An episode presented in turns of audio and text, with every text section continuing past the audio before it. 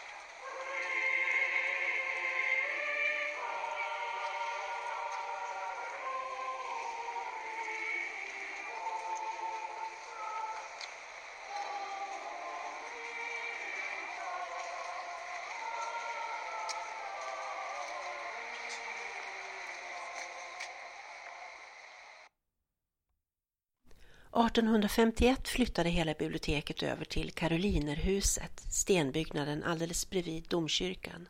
Den byggdes med sten från Kronobergs slottsruin och användes sedan början av 1700-talet som gymnasium och trivialskola.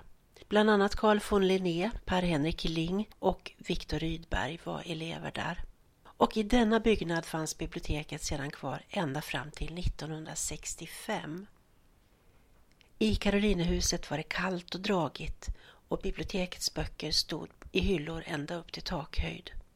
Den traditionsrika gamla solennitetssalen, åtta meter hög, som en gång ekat av Tegnérs berömda skoltal, var ett bokmagasin med totalt 15 hyllplan, varför man måste kliva 14 fotsteg upp på en ranglig stege för att hämta eller sätta tillbaka böckerna. Verkligen inget för darriga personer med höjdskräck. Den som klättrade upp i hyllan skulle förutom att hålla sig fast i stegen också transportera en eller några böcker, ha en anvisningslapp med sig om i vilken sektion och på vilken hylla aktuell bok stod samt en ficklampa. Ifall man råkade falla mellan stegpinnarna väntade en avgrund vid trappan nedanför på en. Sydsvenska Dagbladet gjorde 1963 ett reportage om biblioteket och skrev att här i detta Karolinehus fanns Sveriges högsta bokhylla.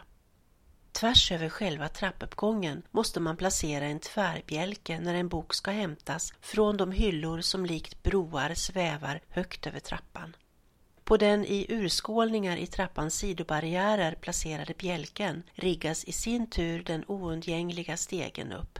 Bara vaktmästaren vågar, tillstår landsbibliotekarien, skrev man. Och landsbibliotekarien var Erik Eilert. Efter mer än 200 år på samma plats blev det till sist dags för ett nytt biblioteksbygge i Växjö. Arkitekt Erik Olåts från Stockholm fick i uppdrag att rita både byggnaden och inredningen till den. Bygget påbörjades hösten 1963 och två år senare, hösten 1965, kunde biblioteket tas i bruk på det som en gång varit en gammal mosse. Själva den högtidliga invigningen ägde rum den 4 februari 1966 varför biblioteket i år också firar 50-årsjubileum. Både 350 år och 50 år på en och samma gång, det är inte dåligt. Och resultatet var en kub i betong och glas, en kvadratisk byggnad i tre våningar med likadana fasader på alla fyra sidor och utan egentlig baksida. Byggnadsmaterial var betong, marmor och kalksten i en arkitektonisk blandstil av klassicism och modernism och med blott ett fåtal färger, vitt, ljusgrått och brunt. Allt för att bevara enhet och lugn och låta volymerna verka. Olåts vision var att skapa ett bibliotek av klassiskt snitt där besökaren skulle finna avskildhet och ro mitt i det pulserande livet runt omkring. I sin verkbeskrivning fokuserar han särskilt på sådant som omgivande grönska, avskildhet och rum som möjliggör koncentration och meditation. Innergården på övre plan som omges av personalens arbetsutrymmen beskriver han till exempel som en hand upplyft mot himlen. Byggnaden kom att uppmärksammas också internationellt såsom ett stycke bestående arkitekturhistoria. Men allt växer och behöver utrymme och snart var det dags igen för att vidga biblioteket. En arkitekttävling utlystes 1999 och bland de förslag som inkom vann arkitektbolaget Schmidt, Hammer och Lassen från Århus i Danmark som bland annat har ritat Svarta Diamanten, tillbyggnaden till Kungliga biblioteket i Köpenhamn. De valde att till det befintliga fyrkantiga huset skapa en rund tillbyggnad.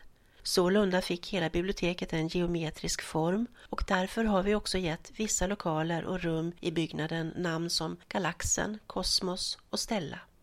Och återlämningsroboten heter Laika. Första spadtaget togs den 14 juni 2001 och exakt två år senare var det stor invigning med pompa och ståt. Idag utgör gamla och nya huset tillsammans cirka 6 500 kvadratmeter varav 4 000 kvadratmeter är publik yta. Och det nya biblioteket fick Växjö kommuns byggnadspris 2003. I motiveringen stod bland annat att läsa att stadsbiblioteket var unikt och en pärla i staden.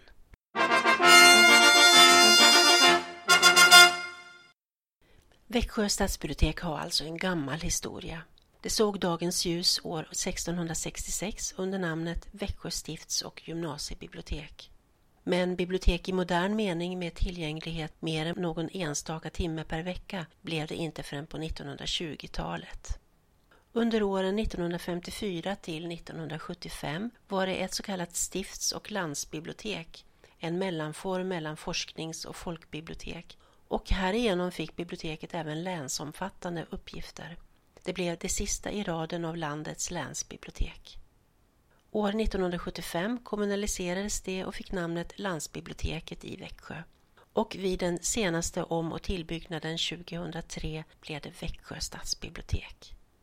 Idag är det ett modernt bibliotek med stort öppethållande, olika sorts anpassade medier, tillgång till olika databaser, uppsökande verksamhet, släktforskning, digital hjälp, stor programverksamhet, biblioteksvisningar, flera sorters bokcirklar och satsning på barn, ungdomar och nya svenskar.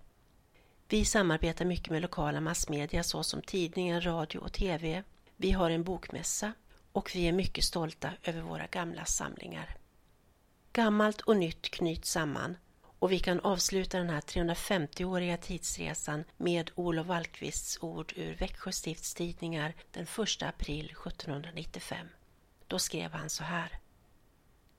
Ändamålet med bibliotekets anläggning är icke att låsa in ett liggande vishetsförråd utan att hålla det öppet för alla vänner till vetenskaper, lärdom, klokhet och snille. Så löd alltså hans budskap för mer än 220 år sedan. Vi eftersträvar exakt samma sak än idag. Biblioteket är till för folket. Tack för att ni har lyssnat och på återhörande. Hej!